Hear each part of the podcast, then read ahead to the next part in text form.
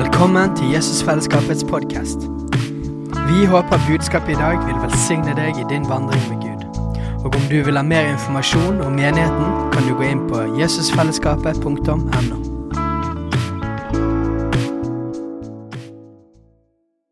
Det er fint at vi kan være flere da på disse kveldsmøtene. og eh, Jeg kjente òg når jeg eh, tenkte på over eh, hva jeg skulle dele her i kveld, så, så tenkte jeg at eh, det var noe som, har, log- som ligger på mitt hjerte, som ligger i mitt vitnesbyrd.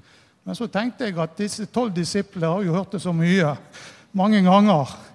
Men da skjønner nå jeg Gud når jeg kom her i dag og så at her var så mange andre som aldri har hørt meg før. Jeg kan jo si litt om meg sjøl òg. Jeg heter eh, Olav Andersen. Og eh, jeg har eh, faktisk begynte begynt i denne menigheten i min ungdom på 70-tallet. Da var vi ute i, eh, i Sundsgaten. Og eh, jeg ble jo radikalt frelst og ble med i den menigheten. og jeg kommer inn på det litt seinere. Og eh, hele familien min ble frelst, venner ble frelst. Og vi snakker jo om vekkelse i disse tider.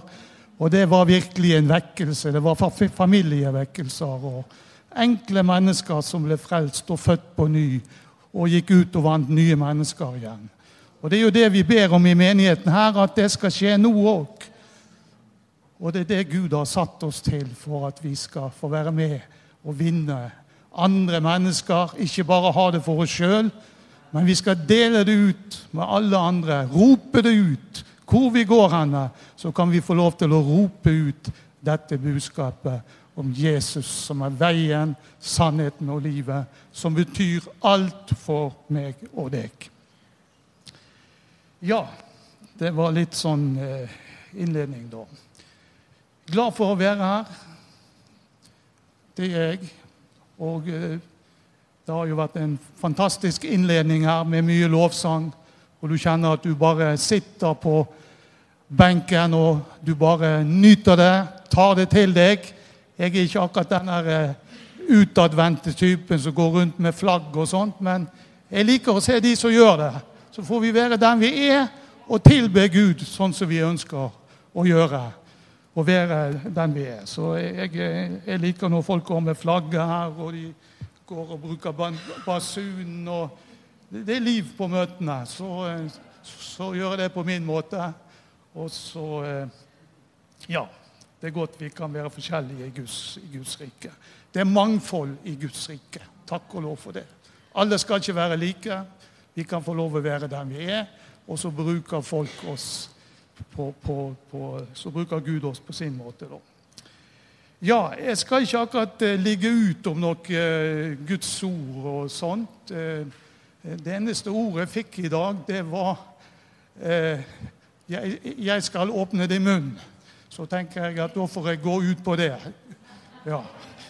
Så, så Det var Guds ordet. Men eh, eh, det som er, det er at eh, jeg ønsker å si litt om eh, om, eh, om, om Ukraina. Det er jo mye fokus på Ukraina i dag. Og det er også fordi at jeg vet at menighetene òg har fokus på, på Ukraina og Øst-Europa. Og eh, derfor tenkte jeg at eh, jeg skal si litt om eh, Jeg har jo vært der et par ganger. eh, Det har jeg. Og eh, nå er vi jo eh, ikke i øst, og vi er vest, og der er jo ikke så, så, så, mye, så mye krig og sånt. Og, og vi har jo ikke hatt noen bom, bombeangrep der. Men vi merker krigen på den måten at, at flyalarmen går. eh, strømmen går. eh, internett går. Så, eh, så vi kan gjerne stå opp en morgen nå i vinter, i hvert fall så det er kaldt. og... og det er ikke strøm, og den kan være borte i mange, mange, mange timer. Da. Så jeg skal si litt om det. Og min nye familie i Ukraina. Jeg har jo fått en stor, ny familie. Som de fleste vet, så mistet jo jeg konen min for syv og et halvt år siden. Og eh, giftet meg opp igjen da. Så da har jeg fått tre stesønner og eh, tre eh, stebarnebarn. Eller jeg kaller de for barnebarn. Jeg kaller de for eh, Vi adopterer de inn i hjertet vårt. sant? Er ikke det sånn det er? Det er jo sånn når vi ble frelst òg, så, så ble vi født inn. Og det er sånn jeg tenker her òg. Og, og svigerdøtre og alt. Så det, det er bare helt fantastisk det å få oppleve de tingene der, da. Så eh, det vil jeg si litt om. Og eh, vil også si litt om, eh, eh om eh, ja, livet mitt, faktisk. For eh, jeg blitt så gammel nå at jeg begynte å tenke tilbake på hva som egentlig har skjedd. Neste år så er jo jeg 70 år, så da må jo jeg tenke litt tilbake. Ikke for det at vi skal leve på det som en gang var. Det er jo dag vi skal leve. Det er ikke det, men vi kan ta erfaringer fra det som vi har eh, opplevd eh, tidligere, og ta, ta det med oss. Da. Så eh, jeg vil fortelle litt om det. Jeg er altså gift da med Larysa fra Ukraina. Hun, hun Jeg var jo gift med Ester, som, som jeg fikk lov å være gift med i i 38 år, så det er jo stort. Og fikk eh, fire barn med hund. Og så er jeg veldig glad for at Vegard er her i dag. Min sønn nummer to. Han heter det samme som deg, Vegard. Det var derfor jeg ble fort glad i deg, for du var, hadde samme navnet som sønnen min. Så, eh, så, det var bra. Så, eh, så Og eh, Ester var en gudskvinne. Hun levde virkelig med Gud. Hun bodde i Bibelen, hun var sykepleier, spesialsykepleier. Og eh, så skjedde det at hun Jeg skulle hente henne på jobben, og hun kom ikke. Og eh, da skjønte jeg at noe var skjedd. Ja, de hadde sendt henne til Haukeland, og jeg fikk ikke se henne. Og da skjønte jeg at eh, her var det noe som eh, var galt. Da. Men eh, så kjente jeg allikevel en veldig trygghet. Da, fordi at meg og hun vi snakket veldig mye om at kanskje en dag skal en av oss reise herifra. Det var vi veldig bevisst på. Det var faktisk kveld før snakket vi om det. Og eh, dagen etter så eh, reiste hun ifra meg. Eh, og så sa hun òg at hvis jeg dør før deg, Olav, så må du stelle i stand en flott begravelse for meg. Og så må du fortelle om hvem jeg trodde på. Og det gjorde jeg. Det var fullt ute på Askøy i den store kirken i Strussand. Og jeg fortalte det at uh, det hun hadde bedt om. Og så måtte vi ikke sørge fordi at hun hadde reist et bedre sted. Og det sa hun i begravelsen da, at det er jo lett for henne å si det, å bare reise. For det er jo klart at vi som er igjen, vi sørger.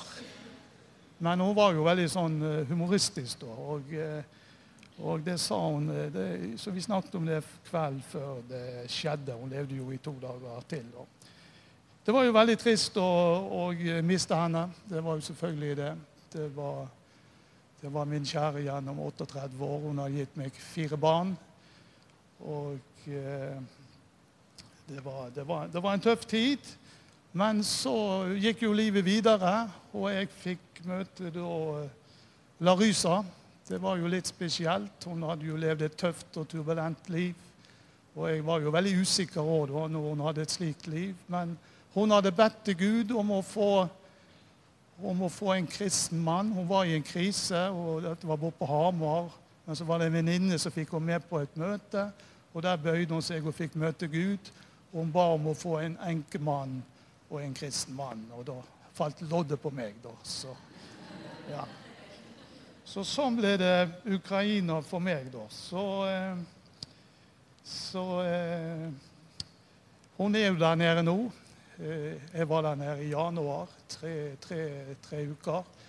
Jeg er så heldig at i begge de jobbene jeg har Jeg var jo pensjonist, så begynte jeg å jobbe igjen. Så får vi se hvor det går. Der får jeg lov å jobbe digitalt når jeg er der nede ifra. Og da kan jo du ha Teams-møter og alt. Og du kan få gjort uh, veldig mye. Og så er jo det slik at uh, denne her, uh, denne her Den har jo gjort mye bra òg. Slik at vi kan få lov til å ha digitale møter. digitalt arbeid er jo veldig veldig mye nå. Du kan jobbe hjemmekontor. Var ikke det du sa til meg en dagen? Ja, jeg traff deg der borte. Vi var på, så på lokaler og sånt. Så sa du at du jobbet også mye hjemmefra, og det kan også jeg, kan også jeg gjøre. Så denne her, eh, hva vi skal kalle det for, eh, det er jo egentlig en pest, da. Koronapesten. sant? Den har eh, også åpnet for ting, da. Ja. Så da kan jeg, jeg skal ned der i påsken og også jobbe, da. Ja. Så jeg traff henne da mens jeg holdt på å ta en master på Rena. Og hun bodde på Hamar, og da møtte vi innimellom. Og så til slutt så ble det, ble det oss, da. Så har vi før krigen bygd en, et hus der nede.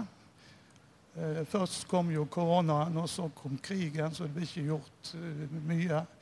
Og hun, eh, hun er, Det var hun som tegnet hus og alt, og veldig sånn kreativ. og tegnet hagen. Så hun har vært der nede og jobbet med hagen siden juni måned. Og eh, eh, juni måned. Og eh, hun føler at hun får en terapi når hun jobber med hage. For du vet, hun har tre barn i krigen. Hun har eh, Ja, det er tøft å var tre barn i krigen. Og så eh, og Tre barn, så Ja, så det, så det, det er tøffe ting. da. Men akkurat der som vi er, der er det som sagt ingen, eh, ingen eh, bomming. Men vi merker det da at når flyalarmen går, vi merker da når vi ikke har strøm, og vi merker når vi ikke har internett. Så men nå har jeg vært heldig når ikke det er internett der. Så har vi svigerdatteren. Hun jobber på, hun jobber på på fylkeskommunekontoret, en høy stilling der. Det er en gammel bygning fra eh, den tsjekkoslovakiske tiden, der de eide den. holdt på å si de, Denne byen var under da, eh, Tsjekkoslovakia. Eh, så jeg har fått sitte der og jobbe på kontoret hennes. Og det er jo veldig bra, for de mister ikke Internett. Det eneste når det kommer flyalarmer, så må vi ut av bygningen. og Det, det, det opplevde jeg bare én gang. da. Så sånn er det.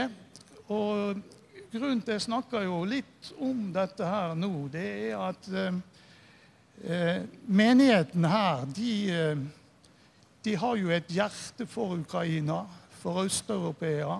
Det hadde de lenge før de kjente meg, forsto jeg.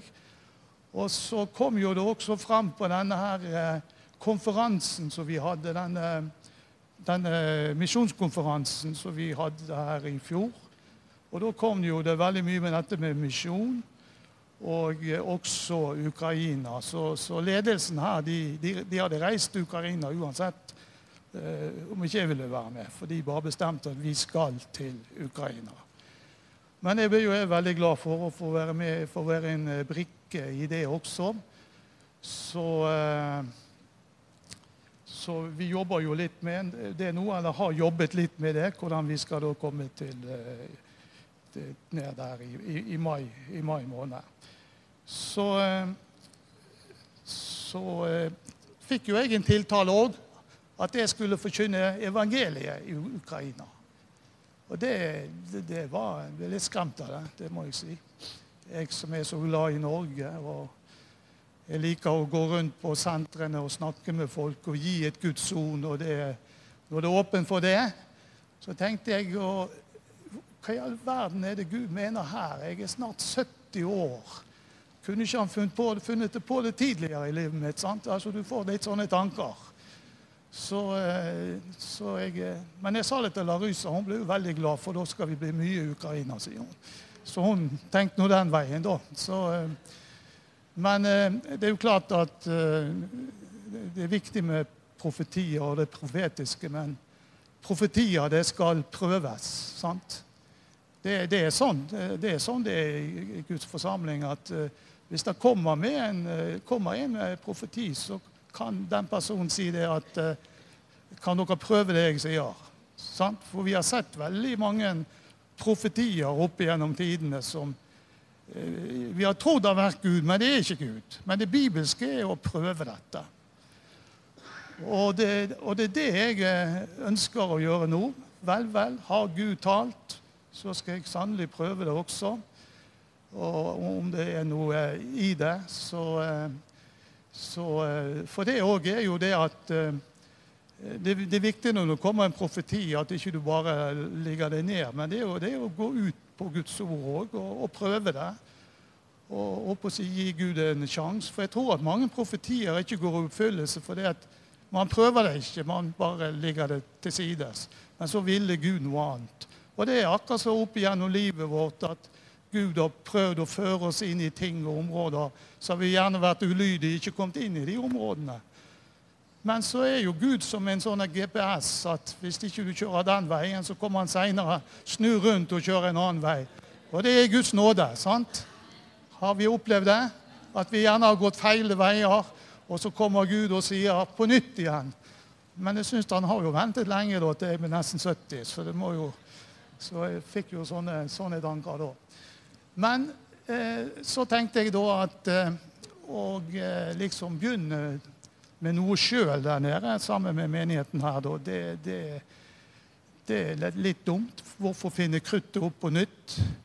Da eh, henvendte jeg meg til Halve Hasløy. Vi kjenner Halve Hasløy, sant? Han er jo veldig kjent. da. Han har jo drevet med arbeid der nede i, i eh, sikkert 20-25 år. og jo, Han gir jo eh, mat og eh, ja, mat til 5000 mennesker, eh, barn hver dag gi dem skole og utdannelse.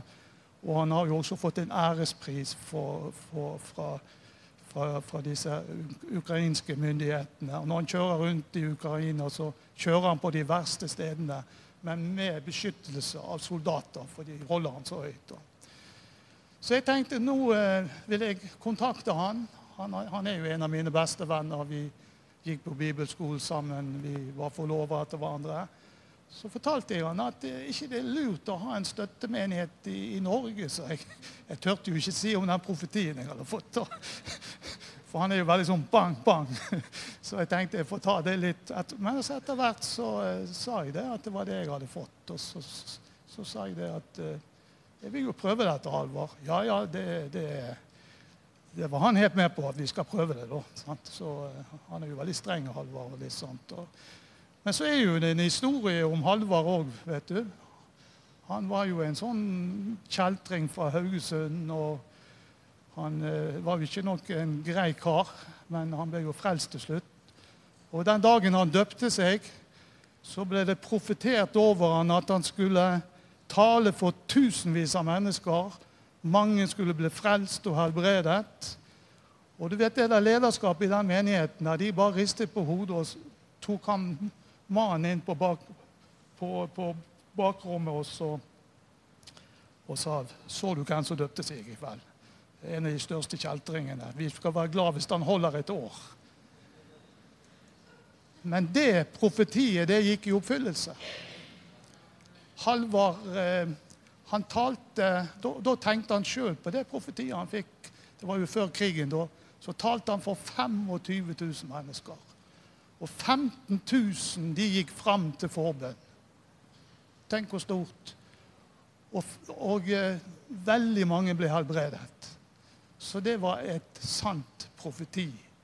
Og det er det vi må satse på, det som er sant. Og Derfor skal vi prøve det vi får, og så går vi forsiktig fram med, med visdom.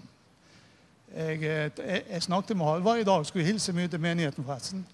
Og da sa jeg at jeg kom til å si det der. Så jeg må bare få dokumentasjon på at det er rett, det jeg sier.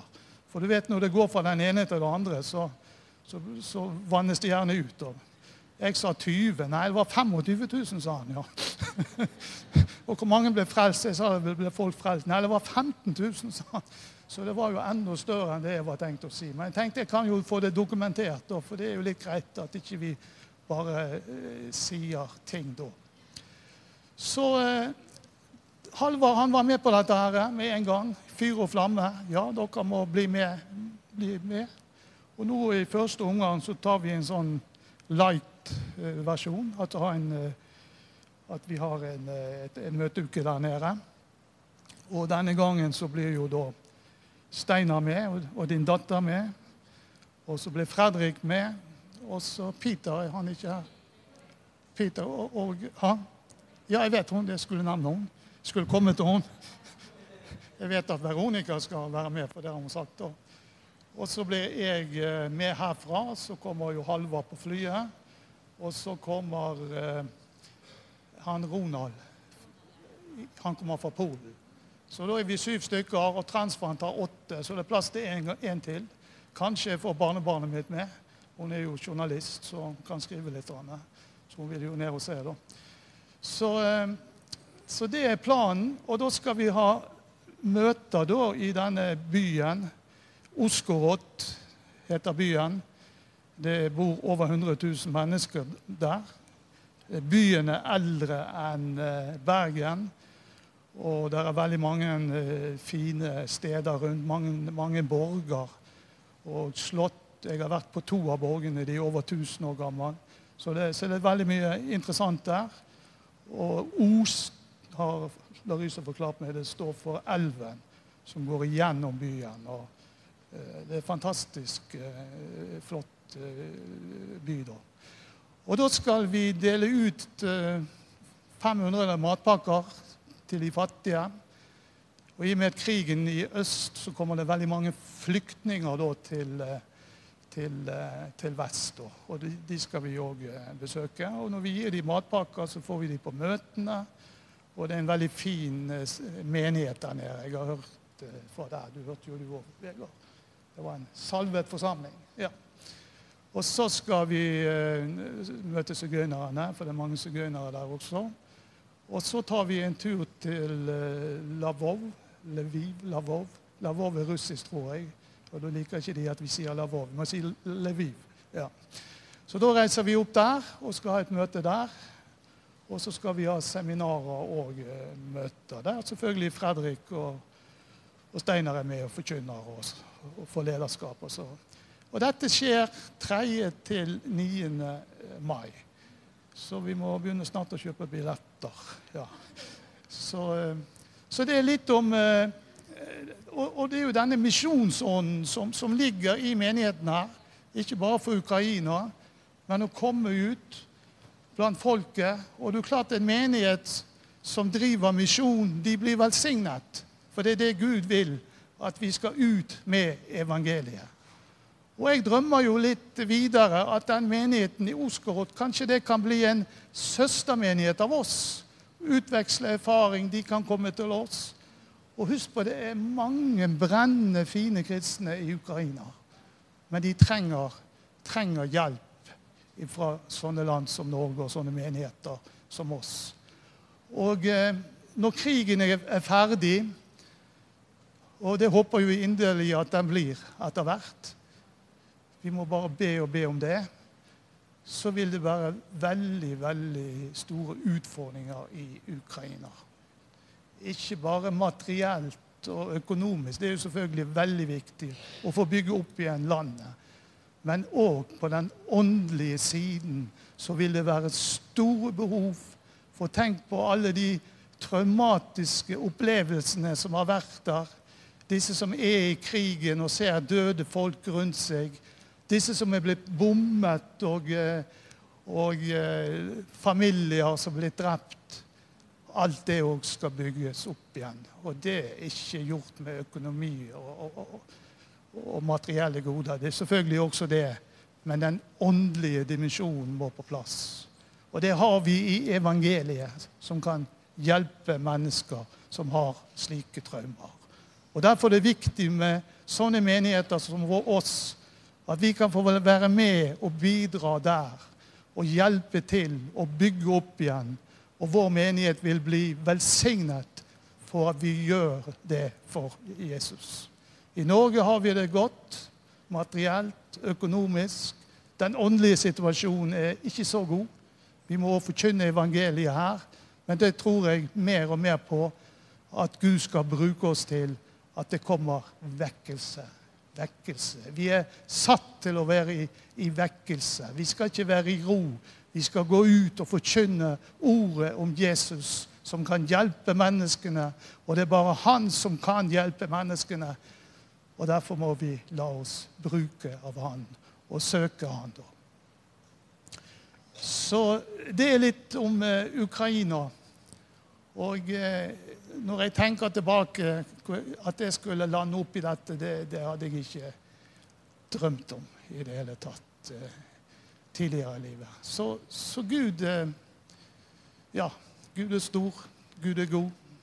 Hele tiden, som de synger i sangen. Så Ja. Og litt om mitt eget eh, liv, da. Så er jo det at det er en del her som ikke kjenner og vet hvem jeg er. da, Men jeg eh, ble jo eh, frelst i, i, i ung alder. Jeg var ikke noe ja, mors, mors barn. Jeg var, ikke, jeg var en sånn villstyring. men jeg tenkte tidlig på Gud. Og, men vi gikk jo rundt og, og drakk og sånn som vi gjorde ofte i den tiden, og røykte. Og, men jeg kjente kallet hele tiden. Mine foreldre var jo ikke frelst, men hele tiden så var jeg opptatt av dette med, med, med livet. Liv, døden. Alt som hadde med disse tingene å gjøre. Hvorfor er jeg her? Hvor skal jeg hen? Det tror det er veldig mange mennesker som tenker på. Det er ikke sikkert de snakker så høyt om det. Men jeg tror mennesker snakker om det fordi at evigheten den er lagt ned i hver eneste en. Så alle tenker på dette. For Gud kaller på mennesker. Det står det. Han kaller på mennesker hele døgnet. Og det gjorde han òg på meg, men jeg bare forsøkte å skyve det fra meg. Og, og så eh, gikk jeg gjennom en del prosesser da. Eh, og så lovde jeg alltid Gud å bli, bli frelst, men det gjorde jo jeg ikke. Dagen etter kom, så, så var jo Om, om kvelden kunne du love Gud å bli frelst. Da.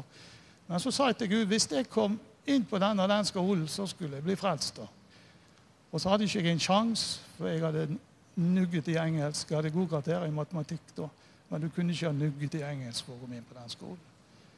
Og da husker jeg ba den bønnen. Og husker på den dagen jeg vi hadde eksamen, så var hodet mitt så klart. Og Det var tre megeter i klassen, og jeg var en av de tre. Og de som hadde ligget på meget, de gikk ned. Så det var et mirakel. Men allikevel så eh, gikk tiden, og jeg kom inn, og jeg fortsatte med den drikkingen og alt dette her. Og, og så, men så om sommeren så stjal jeg en bok som het 'Bandelederen som ble vekkelsespredikant'. Jeg visste jo ikke hvem det var da. Og den leste jeg og satt og gråt. Tenkte jeg, han, Kan han bli kristen, så er det håp for meg òg. Det var jo Nikki Krus da. Og Siden jeg jobbet i Sarensdal, så var jeg eh, på turné med han oppe i Nord-Norge. Så jeg fikk jo møte han òg. Det visste jeg heller ikke da. Så uh, var vi ute en kveld, en del uh, ungdommer, en mørk høstkveld. Og da, da uh, var det en som sa skal vi ta oss Da hadde pinsevennen en sånn utpost ute på Askøy, på Florø, der jeg bodde. Og så sier han til meg det at uh, vi går og bråker litt. Det var en hel gjeng. Men jeg kunne ikke det. Men de visste ikke det. Jeg kunne ikke først. For meg var det å spotte. da. Men så overtalte de meg til å være med, og jeg ble med. Og når innbydelsen kom, så gjorde jeg mitt største livs, det største valget i mitt liv. Jeg gikk frem og, og bøyde meg. Og der fikk jeg eh, møte Jesus. Og kameratene de sto nå der og så og spurte, lurte på hva, som hadde skjedd med meg da. Men jeg kjente jeg hadde Iallfall seinere når jeg kom hjem, jeg hadde fått fred med Gud. Og når jeg, de hadde bedt for meg, og jeg kom ut der, så da eh, var det bare én som sto igjen. Og så sier han jeg skulle gjort akkurat det samme som deg. Så. Jeg hadde ikke noe peiling og sier men jeg kan be for deg. sant? Du bør ikke vente til neste møte, men det svever ikke oppi mitt hode. da. Så eh, kom jeg eh, Så har jeg tenkt veldig på, mye på han etterpå. Hvordan gikk det med han? For jeg var ikke så mye sammen med han. Eh. Og så har jeg prøvd å få fatt i han. Og vet du hva, i dag så fikk jeg fatt i han. Rett før jeg skulle ha møte. Og det tenkte jeg skulle dele med dere. Og det var en Ja, jeg gråt. Det var, det var så sterkt. Jeg ringte han. Han eh, bodde i Haugesund. Jeg begynte jo litt forsiktig da, å snakke om hva vi gjør på. Han var journalist i, eller har vært journalist i Haugesund Avis og jobbet ute i, i, eh, på Statoil og så litt rundt. Og pratet og pratet. Og så tenkte jeg nå må jeg være frimodig. Og så sa jeg det at eh, Husker du den kvelden jeg bøyde meg for Gud? Det er ikke sikkert du husker det, sa jeg. Jo, det husker jeg veldig godt. sa Og da begynte han å snakke om at jeg var kalt av Gud i den tiden. Eh, nå når jeg er gammel, så har jeg ikke kjent så mye dragelse sånn til det. Og eh, ja, men Gud er den samme i dag, sa jeg. Og så fikk jeg en fin prat med han der. Og så sier han eh, nå skal jeg opp til Bergen, og sønnen min flytter til Bergen. Da har jeg lyst til å møte deg, sa han. Og så skrev han rett før jeg reiste på møte Kjære Olav, takk for at du tok kontakt. Så da tenkte jeg ah, halleluja. Det, det, det, var, det, var, en sterk opplevelse som jeg, og det, giret meg veldig før jeg skulle Men jeg fikk det når jeg satt og tenkte på hva jeg skulle si. at jeg skulle ringe han. Og jeg hadde forsøkt mange mange ganger å, å få fatt i han. Så tenk du, de husker helt tilbake til den tiden, mennesker. da. Så det er så viktig at vi forkynner ordet, og at Gud må gi oss frimodighet. Jeg, jeg var, det var litt sånn tøff for de som går rett på en person. Eh, for jeg måtte jo ha litt visdom også. Så nå skal vi møtes til en middag her i Bergen. Så det kanskje jeg kan få ham inn på møtet. Ja. Så det, det, er litt sånn, eh, sånn eh, vitnesbyrd da. Og livet det gikk jo videre etter jeg ble frelst. og Vi var jo veldig ivrige. Jeg husker vi hadde bønnemøter sammen med en gammel dame som var syk og lå i en seng. og Vi var flere der og lå ja, på kne og, og ba til Gud. Så det var en veldig hunger hos oss. Det var det. Og så kom jo jeg med i menigheten her borte i Sunds, når vi var i Sundsgaten. Det var jo alle, iallfall flere av oss. Vi kjenner jo Kjell Haugen. Han var jo forstander her, pastor her. Han døde så altfor tidlig. Han var jo misjonær i Han reiste jo ut som misjonær 18 år gammel til Kenya og vant mange for Gud og bygde opp veldig mye fint der ute. Og, eh, men han døde altfor tidlig. Men han fikk meg med på møtet. fordi at eh, jeg tenkte han var lett å vinne for Gud. Så jeg gikk jo, eh, For han hadde en mor som var så veldig ivrig. Hun var jo fantastisk frimodig. Så gikk jeg opp og banket på. Og Jeg var jo sånn bøllete av meg, så hun trodde at jeg skulle, han trodde jeg skulle komme opp og gi han juling. Da. Men nei, så jeg. Kjell, nå har jeg møtt Gud, så jeg. Jeg er frelst. Vil du være med meg på møtet?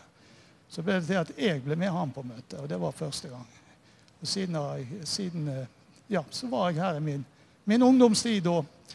Og vi hadde jo så, eh, hadde jo så fin uh, ungdomsflokk her. Nå sitter de og nikker bak her, og Nina var jo med der, og Gjert var med der. Og, og lørdagene så var det det store for oss. Jeg husker jeg gikk på gymnaset da. Det var rett fra skolen. Og så skulle vi ut og virke. Vi gikk ut og hadde friluftsmøte. Vi reiste på sykehjem og av og til i fengselet. og og ut på uh, skoghjemmet på Askøy, og der ble jo flere frelst. Han der som synger så mye Pikut, var ikke det det Gjert? Ja, han, Pikut, ja, han synger veldig mye. Så, så, flere ble vunnet for Gud der ute. Så vi var, var i en uh, vekkelse. Jeg uh, husker uh, min mor kom. Jeg var jo veldig radikal da. Eh, for Hun ville ikke være med meg på møte. Hun ville heller gå ut med min far, ut på restaurant og selvfølgelig kose seg. Og det var jo sånn det var i verden. Og så sa jeg det er greit, det, sa jeg, men husk at du går på fortapelsens vei. Og hun det var, Og eh, hun satt den kvelden, og alt var tomhet. Sånn til meg. Neste gang skulle hun gå med meg på møte. Og Der kom hun og gikk flere ganger, og der bøyde hun seg for Gud og fikk møte Gud. Da var min mor vunnet for Gud. Og så eh, kom min bestemor. Og min far skulle nå aldri bli kristen. Han bandt og steikte og sa vi kunne holde på med alt dette der. Men, eh, men dette ville ikke han være med på. Men så kom, eh, han, gikk jo, han var jo glad i min mor, så han fulgte jo min mor på møtene og sto ute i gangen og røykte. Men så var så var det en kveld at Gud ble for sterk for han også. Og så ble han ivrig igjen. sant? Han gikk til kameratene sine på Askøy. Det var jo der han var vokst opp. Og han ene, For de hadde jo hørt om det. Han, ene, han mistet jo kaffekopp når han hørte at uh, far min var blitt frelst. For han var jo en sånn Ja, han var jo ikke en akkurat så gudelig person. da. Og Han andre han hadde også fått visst det. Og når han så min far kom, så rømte han opp på loftet. Men far min han fikk de med på møtet. Både faren og konen og svigermoren. Og de kom på møte, og de døpte seg her i forsamlingen der borte. Så det var familievekkelse. sant? Og eh, det var flere andre òg som ikke som, som, andre kjenner her òg. Så det, det, var en tid. Vi snakker om vekkelse. Det var vekkelse. Vi skal ikke bygge på det som var. Vi skal vekkes i dag. Men eh, vi skal ta det med som en god erfaring og lære ut av det at det er vekkelse. Og det er jo veldig mye nåde i mitt liv. da. Jeg har jo ikke fortjent dette, der, for jeg, eh, i mitt liv så har det gått opp og ned. Men jeg fikk se familien frelst.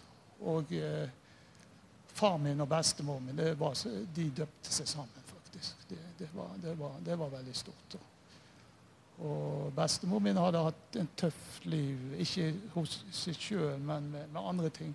Så hun ble så sterkt møtt av Gud og det var et møte. Det var før all denne fallingen begynte. Da satt hun helt på siste benk. Hun datt ned i gulvet av Guds kraft. De, de, trodde ikke det var det, for de kom og trodde hun besvimte. Men hun levde på det lenge. At Gud hadde møtt henne. Gud så hjertet hennes og møtte henne så sterkt. Hun bare datt ned under Guds kraft. Så eh, det var veldig mange fine slike opplevelser. Men Gud er den samme i dag. Og det er fantastisk å se det som skjer i menigheten her. Og eh, ikke minst at menigheten har tatt så godt imot hverandre. sant? Respekt for de kulturene som er, og slå sammen kulturene.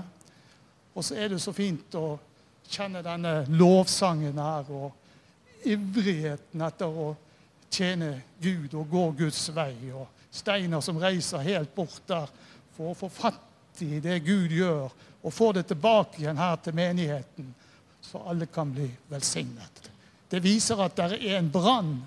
Det er en stor brann, og det skal vi være veldig glad for at det er. Og det, det er godt å få være med i en slik menighet.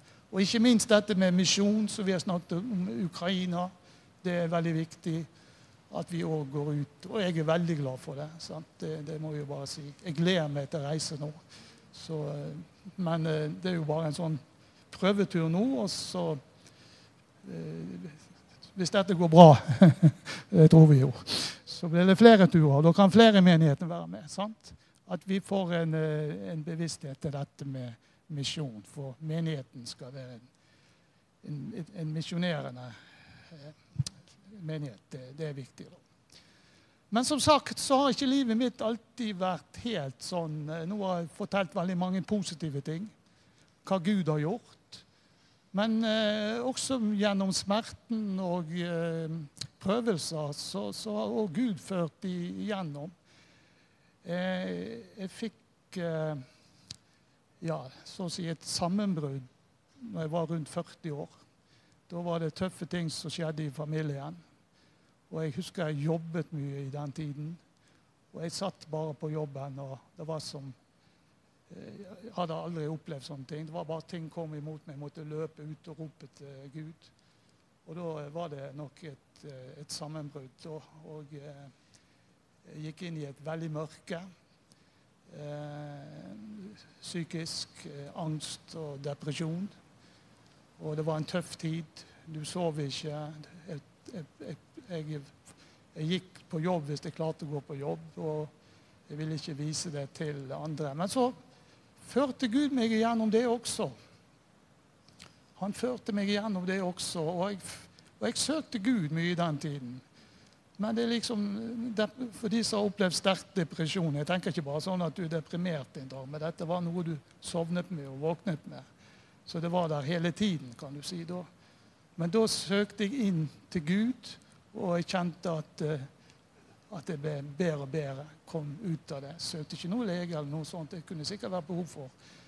Men da kom jeg igjennom. Og midt i denne mørket så fikk jeg en drøm av Gud. Og, si, og det, i drømmen så ble det sagt her skal omsorgsstedet ligge. Og jeg tenkte hjelpe meg, hva er dette for noe? Er det bare fordi at jeg er liksom helt ute å kjøre nå på nervene og alt? Men det kom. Plutselig en dag så kjøpte meg og Det, det var når jeg begynte, var blitt frisk igjen og kom ut av mørket. Så kjøpte vi Rike sal ute på Askøy. For var, jeg var nett blitt formann i menigheten der. Og da Det var en stor, flott bygning. Så, eh, men så tenkte jeg det var jo et omsorgssenter jeg drømte om. Men så kom det til mitt hjerte seinere. Menigheten skal være et omsorgssenter. Menigheten her skal være et omsorgssenter. Folk som kommer inn her, de skal få hjelp. At de får møte Gud og løse de bånd og lenker som er. Og da gikk det opp for meg at det var det den menigheten skulle være. Og den fungerer veldig bra i dag. Mye bra der ute. så, så, så, jeg er glad jeg fikk eh, Jeg solgte jo ut igjen dette her seinere. Men i mørket taler Gud. Ja. Og jeg vil si det sånn òg at eh, jeg vil ikke unne noen andre å gå gjennom sånt mørke. Men for å si det på den måten jeg hadde godt av det. For da kan jeg forstå andre mennesker. Før var det bare slik at hvis det var noen som hadde store problemer med psyken, ja, gå ut i skogen og ta deg en tur, så kommer du deg. Men sånn var det ikke. Her må du hjelpe til å bygge opp igjen. Og etter den episoden så har jeg aldri har blitt sterkere og sterkere og fått være med og hjelpe. Men jeg måtte gå gjennom den tunnelen sjøl. Jeg husker når jeg mistet Ester, hvor Gud styrket meg midt oppi alt. Det var jo, det var jo krise. Men da kjente jeg bare at Gud han var med og ga styrke og kraft. Og så skal jeg få være med på dette i slutten av mitt liv. Vet, eh, nå er det ikke sikkert at jeg har så mange år igjen, men, men jeg, jeg, jeg gleder meg til å komme til himmelen. Eh, det, altså, det må vi forkynne litt mer om. at Det som ligger der fremme sant? Det er ikke om å leve til du er 100 og 120 år. Det er ikke det. Eh, altså, Det er jo trist hvis jeg reiser for de som er igjen da. Men, men, tenk på det som venter oss. Ja, nei, altså, Jeg elsker livet. Ikke misforstå meg. Takker Gud for hver morgen når jeg står opp og får lov å pusse tennene og dusje meg og gå på jobb. Det er jo fantastisk. sant? Det, det er jo det. Men vi må forkynne eh, dette òg, at eh, det som kommer, at det beste, det er igjen. Og det er òg med å skape vekkelse. sant? Men vi, vi, har lov å være glad i livet og, og, og leve og se barn og barne, barnebarn. Og det, og, det, og det, er stort, så det skal vi takke for. Så ikke misforstå meg, men, eh, men det beste er, igjen for oss. Så, men det er klart ungdommen de skal jo leve til de 100, så det er greit. Men jeg tenker på sånne som meg nå. Men så skal jeg få lov å være med på store ting. Halleluja. Det skal vi alle sammen få lov til å være med. Sant? Så livet ditt ikke er slutt. Er du inne i et mørke nå og har problemer, og du tror at nå går det ikke mer, så er Jesus der for å møte deg og hjelpe deg og føre deg videre. Ja. Han er alt for deg. Han elsker deg. Og så er det sånn med den GPS-en. Kom du ikke inn på den rette veien, så kommer du inn igjen på den rette veien. Er du ikke på rett vei nå, så kommer Gud med en ny tiltale gjennom GPS-en at her skal du få lov til å gå videre. Jeg har noe vidunderlig for deg og vil bruke deg. Hver eneste en som er i den salen. Gud vil bruke deg. Om det er mørkt for deg nå, så skal du gå gjennom mørket, ut i lyset. Du skal møte andre mennesker og hjelpe dem og sette dem i frihet. For det er kun Jesus som kan gjøre. Så eh, Gud er god. Så vi skal se framover. Jeg tar bare disse tingene bak fordi det er gode erfaringer. Og det har litt med takknemlighet og vitnesbyrd for at Gud har vært god hele tiden. Han har vært der. Selv om ikke det alt har vært en rett strek, så har Gud ført igjennom til seier. Ja. Så eh, takk for det jeg fikk lov å være med å dele. Gud velsigne dere alle sammen. Og Gud skal bruke dere, møte dere, sette dere i frihet. Og så få kjenne denne Det er jo det største av alt, å få kjenne midt oppi alt denne Guds fred. Det er mange milli, milliardærer i Bergen, Bergen håper å si, verden som ville ha kjøpt den freden for penger. Men det kan de ikke. Det er Jesus. Min fred gir jeg dere. Ikke som verden gir, kan Gud gi oss. Og det er den vi skal gi til menneskene. For det går mange ulykkelige mennesker rundt omkring. De strever og har det vondt. Men når de får møte Jesus, så flytter denne freden inn. Da er ikke det materielle er bra og vel, men det er ikke det som betyr mest. Men det er dette livet, denne gudsfreden, som bare han kan gi. Så eh, Gud velsigne dere. Det var det jeg eh, skulle dele. Amen. Hei, alle sammen. Det er Katrine og Steinar Lofnes her. Vi er hovedledere for Jesusfellesskapet. Så kjekt du har lyttet til denne podkasten. Har du forresten hørt noen av de andre podkastene våre? Ukens tale, Disippelskolen, Hyrdepodden, Kulturkrigen og Mammas hjerte. Du finner disse podkastene på Spotify, Apple Podkaster og på nettsiden vår jesusfellesskapet.no.